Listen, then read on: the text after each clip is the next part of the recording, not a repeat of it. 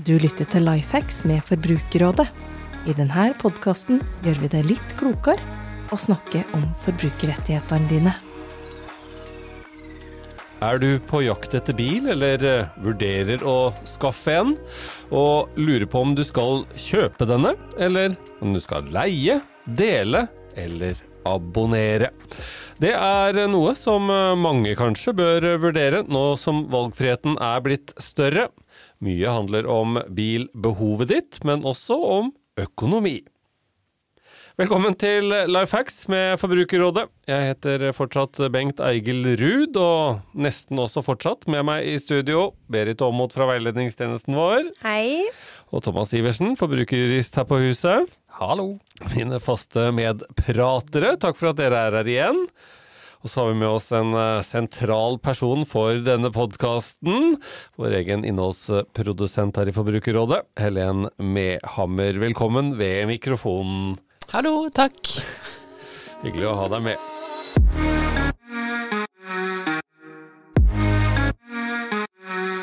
Tiden da alle eide sin egen bil ser ut til kanskje å være over. Både leasing og forskjellige typer med bildeling og bilabonnement har blitt eh, populært. Jeg eksponeres i hvert fall for mye reklame for denne typen biltjenester. Eh, Thomas, jeg ser på deg først. Er alternative måter for eh, bilhold eh, i ferd med å ta av? Er det blitt så vanlig som jeg kanskje kan få inntrykk av?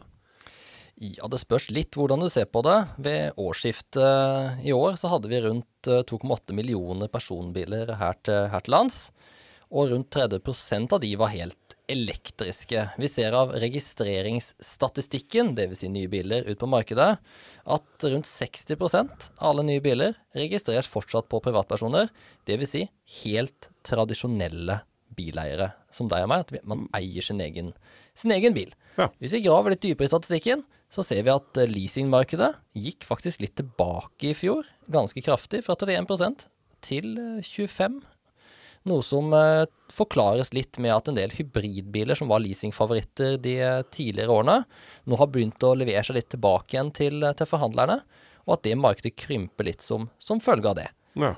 Men på oppsving så ser vi andre former for bilhold, nemlig bilabonnementer og, og bildeling.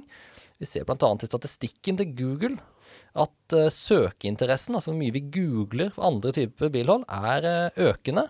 Og søkefrekvensen på bi ordet bilabonnement er nesten tripla i løpet av fjoråret. Mm. Så uten at vi har konkrete tall, så kan vi si at interessen åpenbart uh, er der. Så folk er opptatt av alternative former for, for bilhold. Og Helen, da har du grunnen til at du er her, for du er mer enn interessert eh, i dette her. Du er en aktiv bruker av eh, disse tjenestene som gir eh, tilgang på bil når du trenger det, uten at du eier din egen. Så det er jo et uh, konkret valg du har gjort, skjønner jeg, på at du ikke har kjøpt deg bil. Uh, hva er dine tanker når du liksom ser på mulighetene for å korttidsleie, bildele eller bruke et bilabonnement? Nei, det er stort sett eh, pris og, og kilometer. Hvor stor bilen er, det er ikke nødvendigvis eh, så viktig for meg.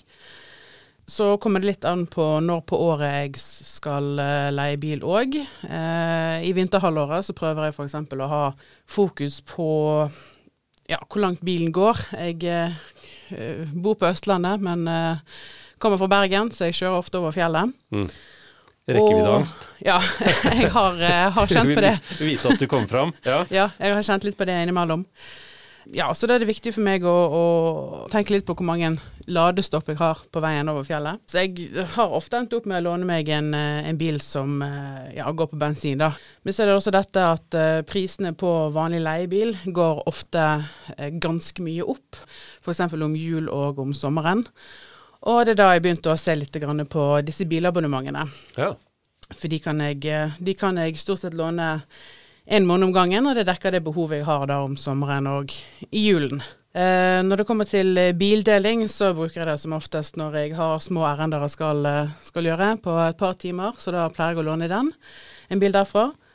Eh, men jeg ser jo òg at når jeg ser litt på pris, da, at jeg gjerne kan låne en bil en dag, eller til og med en helg, for prisen av en eh, bil fra en bildelring Så du finner en måte å sjonglere disse på. Er det, er det lett å finne fram i den jungelen, liksom? At du tenker 'dette behovet, så går jeg dit', og 'dette behovet, så går, så går jeg dit'? Ja, jeg begynner, eh, begynner, som regel der jeg tenker at det kan være billigst, fordi jeg har behov for akkurat der og da. Men jeg, jeg går innom alle. Jeg har, har laget meg noen rutiner. Hva kan vi si for noe om uh, bilabonnement som uh, skiller seg fra de andre tingene? Jeg vil si at det er et uh, nærmest fullserviceabonnement for biler. du har alle typer faste utgifter inkludert, som forsikring, dekkskifte og dekkhotell, og service og vedlikehold. Og så har du da en viss mengde kilometer inkludert. bompenger og drivstoff og vasking av biler kommer utenom. Uh, og så ser jeg òg at ja, det har som regel en bindingstid på én, seks eller tolv måneder. Og du har en oppsigelsestid på en måned som regel, men jeg har også sett oppsigelsestid på opptil tre måneder. Mm. Uh, der låner jeg aldri bil fra. nei, for det er ikke da tilpassa ditt behov? Nei, nei. Og det er viktig å tenke på. Hva er, hva er behovet? Dette skiller seg jo da fra, fra leasing, eh, Berit. Hva, på hvilke måter er det størst forskjell? Ja, så Den største forskjellen er nok at eh, alle kostnader forbundet med bilholdet betales av kunden når du leaser en bil. Eh, mens da med et bilabonnement så har du en del kostnader som sånn sett er inkludert i abonnementet, eh, hvor du ikke må stå for de kostnadene selv. Så når du leaser bilen, så er det jo mer som Sånn at du har måte, bilen som din egen eh, på en litt annen måte. Mm. Eh, og du har jo også da en startleie, som du da unngår ved abonnement. Eh, og, og, månedsleie samt renter. Eh, og så er du heller ikke inkludert som regel da med forsikring og service, hvor du da må gjøre det selv. Eh, og stå for de kostnadene selv. Så det er uh, absolutt en del ting å, å, å tenke på. Men uh, skjønner at det er såpass mange muligheter nå at man skulle kunne finne en variant som eh, passer for seg eh, til, til den typen eh, bilbehov man har, da. Men så er det jo sånn igjen at det kanskje når det er mange ting å velge mellom, så blir det ikke lettere å velge, men litt vanskeligere. Hva skal, hva skal vi tenke på? Kan vi sette opp en liten liste over hvilke ting vi bør ha på huskelista før vi bestemmer oss for hva som er riktig for oss? Ja, først og fremst så kan jeg altså skrive under på det Helen sier, at eh, det er viktig å finne ut hvilket bilbehov du har. Bilbehovet, både eh, hvis det er elektrisk, rekkevidde, om du trenger firehjulstrekk eller ei osv., størrelse om du ofte har eh, full bil, om du trenger plass, komfortabel plass til baksetepassasjerer, f.eks. tre stykker, eller om du kanskje trenger enda mer bagasjeplass, f.eks. en andre seterad. Tenk på bilbehovet ditt, og hvis du skal på én langtur i året f.eks., så er det kanskje ikke nødvendig med en, en veldig stor langturbil. Kanskje du kan holde deg med en, med en bybil, og heller skaffe den langturbilen på, på annet, uh, annet, vis. Mm. Det er en del regnestykker, uh, regner jeg med? Ja, det handler jo mye om økonomi. For uh, bil, i hvert fall det å kjøpe bil, Eh, da vil du jo eh, måtte ta verditapet som kommer eh, årlig for den bilen, i tillegg til alle de vanlige utgiftene som forsikring, service, drivstoff, dekk osv. Og hvis du låner penger til bilen, da må du jo forvente å betale renter på det lånet. Litt mindre rentetap er det jo hvis du betaler bilen med egenkapital du har, men da taper du jo renten du du har, eh, får på det, disse pengene i, i banken. da. Men uh, å låne penger vil jo medføre en rentekostnad som er viktig å, viktig å huske, huske, på, da.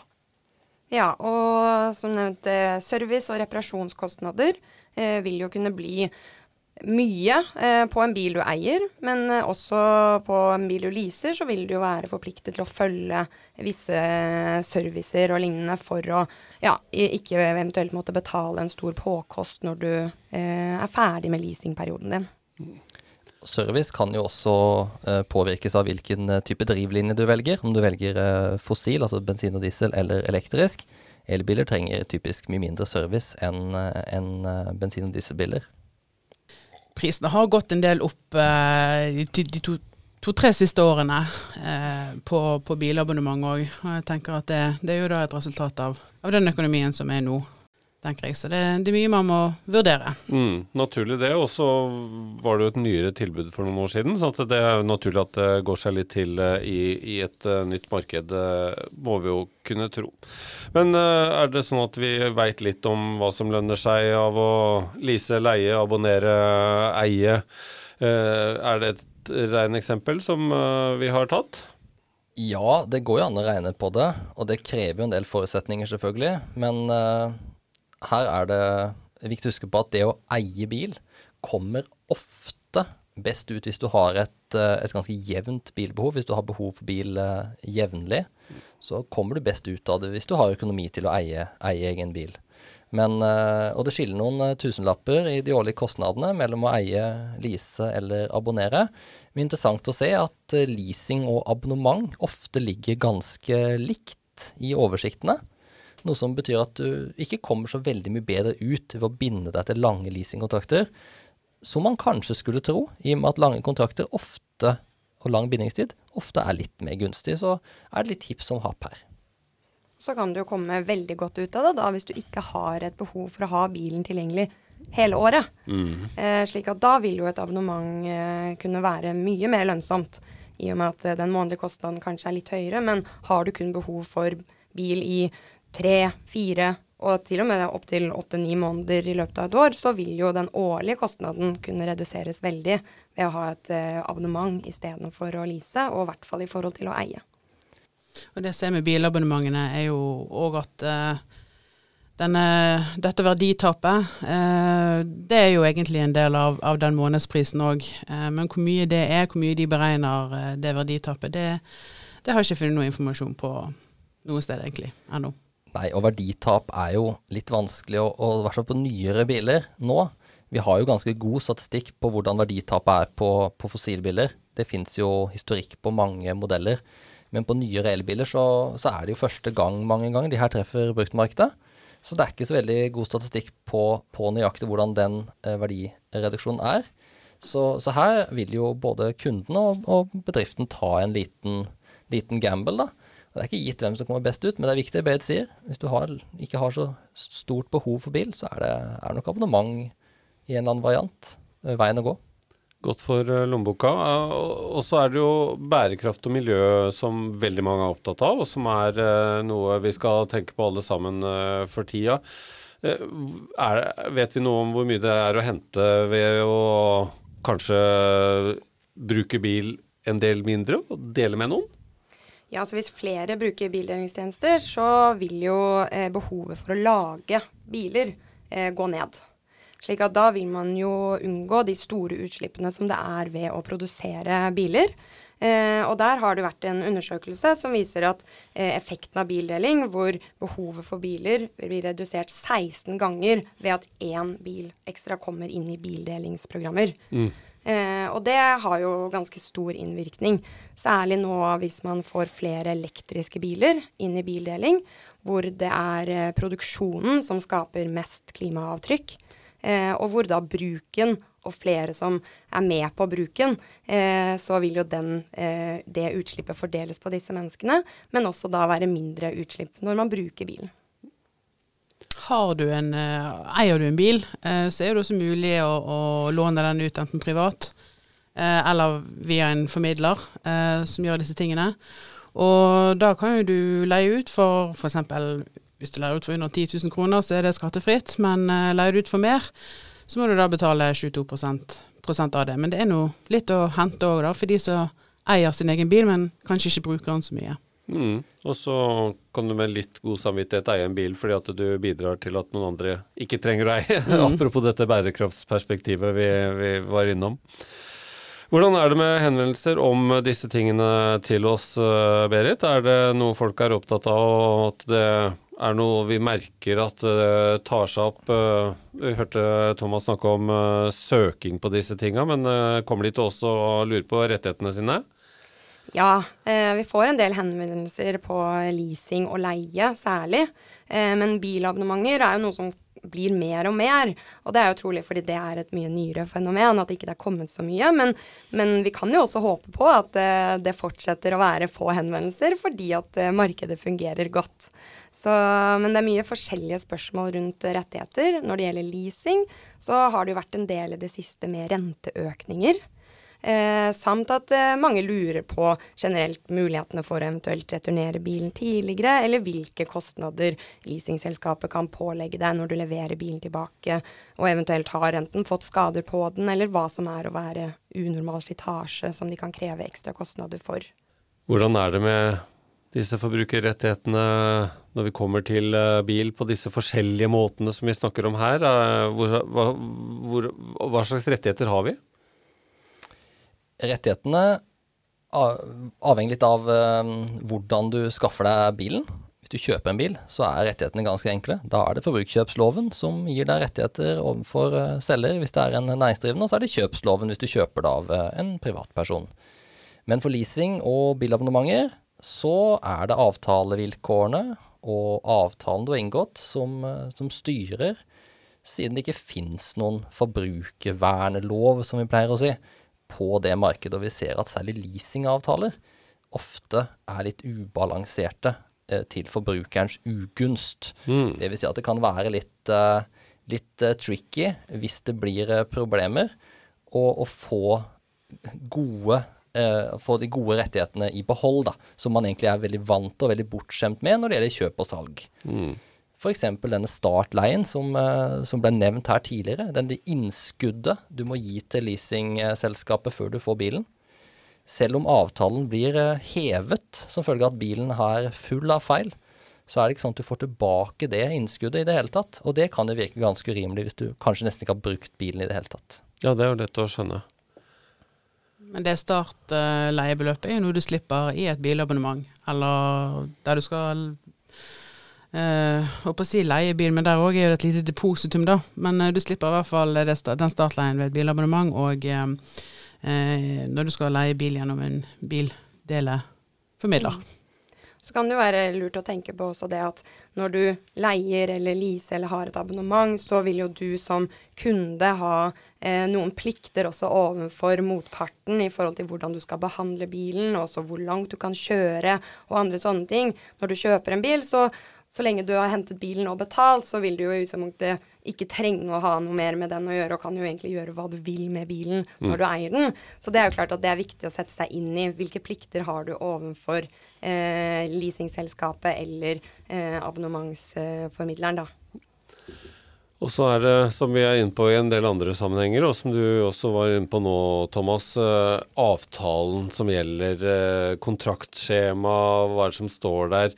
Eh, er det ting vi bør se etter hvis vi lurer på om vi skal bli med på noe bildeling, eller prøve oss på et abonnement sånn som kan være litt med viktige ord eller uttrykk eller setninger som vi bør være obs på? Ja, det er et par ting du bør være litt obs på. Jeg ville sjekka ganske nøye om abonnementet har bindingstid, og hvordan du skal gå fram for å si opp. En del abonnementer kommer jo med noen introduksjonstilbud som gjør at du kan få litt rabatt første måned osv. Husk på at det kan løpe oppsigelsesfrister der. I tillegg så er det viktig å sjekke hvilke plikter du har når du skal bruke bilen. Er det lov til å ha dyr i den f.eks.? Hvis du har en eh, liten hund eller en stor katt, kan du jo uh, sjekke om det er lov å ha. Og så må du eventuelt undersøke litt hva man gjør hvis du skulle være uheldig og få en parkeringsbulk eller rygge på en snøfonn, eller hva er det som egentlig skjer da? De tingene du, som du typisk kan skje når du har en bil. Mm. Jeg har uh, barn i øvelseskjørealder. Uh, kan det være noe jeg må passe på at jeg får lov til? Ja, det kan det så absolutt være. Så man må undersøke hva har man anledning til, både i forhold til øvelseskjøring, men også eh, må det registreres hvis det er flere som skal bruke bilen og kjøre bilen. Eh, og ja, rett og slett hva som er lov til å bruke bilen til, da. Det er jo faktisk ikke din bil. Nei, Det er viktig, og det var også en av tingene som jeg personlig måtte ta stilling til da jeg skulle skaffe en uh, ny bil for ikke så veldig lenge siden. Jeg har også barn i øvelseskjøringsalder og har en bruker under uh, som er nettopp blitt 19 år. Så begge tingene må man ta høyde for. Og akkurat da var det smart å eie egen bil. Mm. Dette er jo òg et eh, alternativ som kommer frem eh, når jeg eh, starter et eh, bilabonnement. Så det er, ja, det er noen valg her man må ta. Har du som hører på innspill til oss som lager life, life hacks med Forbrukerrådet, eller forslag til spørsmål vi bør svare på, eller temaer vi kan ta opp, så må du gjerne sende oss en e-post til lifehacks at forbrukerradet.no. Vi runder av også denne episoden med den faste posten fra veiledningen eh, vår, Berit. Hva slags eh, kuriosa har du tatt med deg i dag? I dag så har vi en eh, innringer som var svært irritert over eh, treningssenterets årsavgift. Han kunne ikke skjønne at det var lov med en slik pris som han nå var blitt pålagt for å trene der. Og siden det var høy musikk i bakgrunnen, så forsto veilederen at eh, det hørtes ut som han var på senteret. Og veileder foreslo at eh, han kunne jo da spørre resepsjonen om denne avgiften som han mente kom ut fra intet. Men det kunne han ikke, og han eh, hvisket nesten i telefonen da han fortalte at han datet en av instruktørene, og ikke ville lage dårlig stemning. Og da var konklusjonen at da måtte han nok bite det i seg, for kjærlighetens skyld.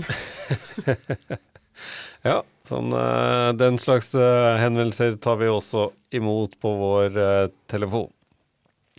Takk for at du tok turen, Helen, og gjorde oss litt klokere. Takk for at jeg fikk komme. Det var annerledes å stå foran mikrofonen enn å sitte og redigere. Men gøy. Ja, veldig. Gøy syns dere det var i dag også, kanskje, Berit og Thomas? Ja, så absolutt. Som alltid. Takk for at dere kom, og velkommen tilbake. Takk til deg som hørte på også. Takk for at du hører på Lifehacks. Du får nye episoder fra oss annenhver uke. Abonner gjerne, så får du nye episoder der du liker å høre dem. Hvis du vil komme i kontakt med oss for ris og ros, eller vil dele din beste lifehack, send oss en e-post på lifehacks at forbrukerradet.no. For andre forbrukerhenvendelser er det de vanlige kanalene som gjelder. Du når våre forbrukerveiledere via kontaktinformasjon du finner på forbrukerrådet.no.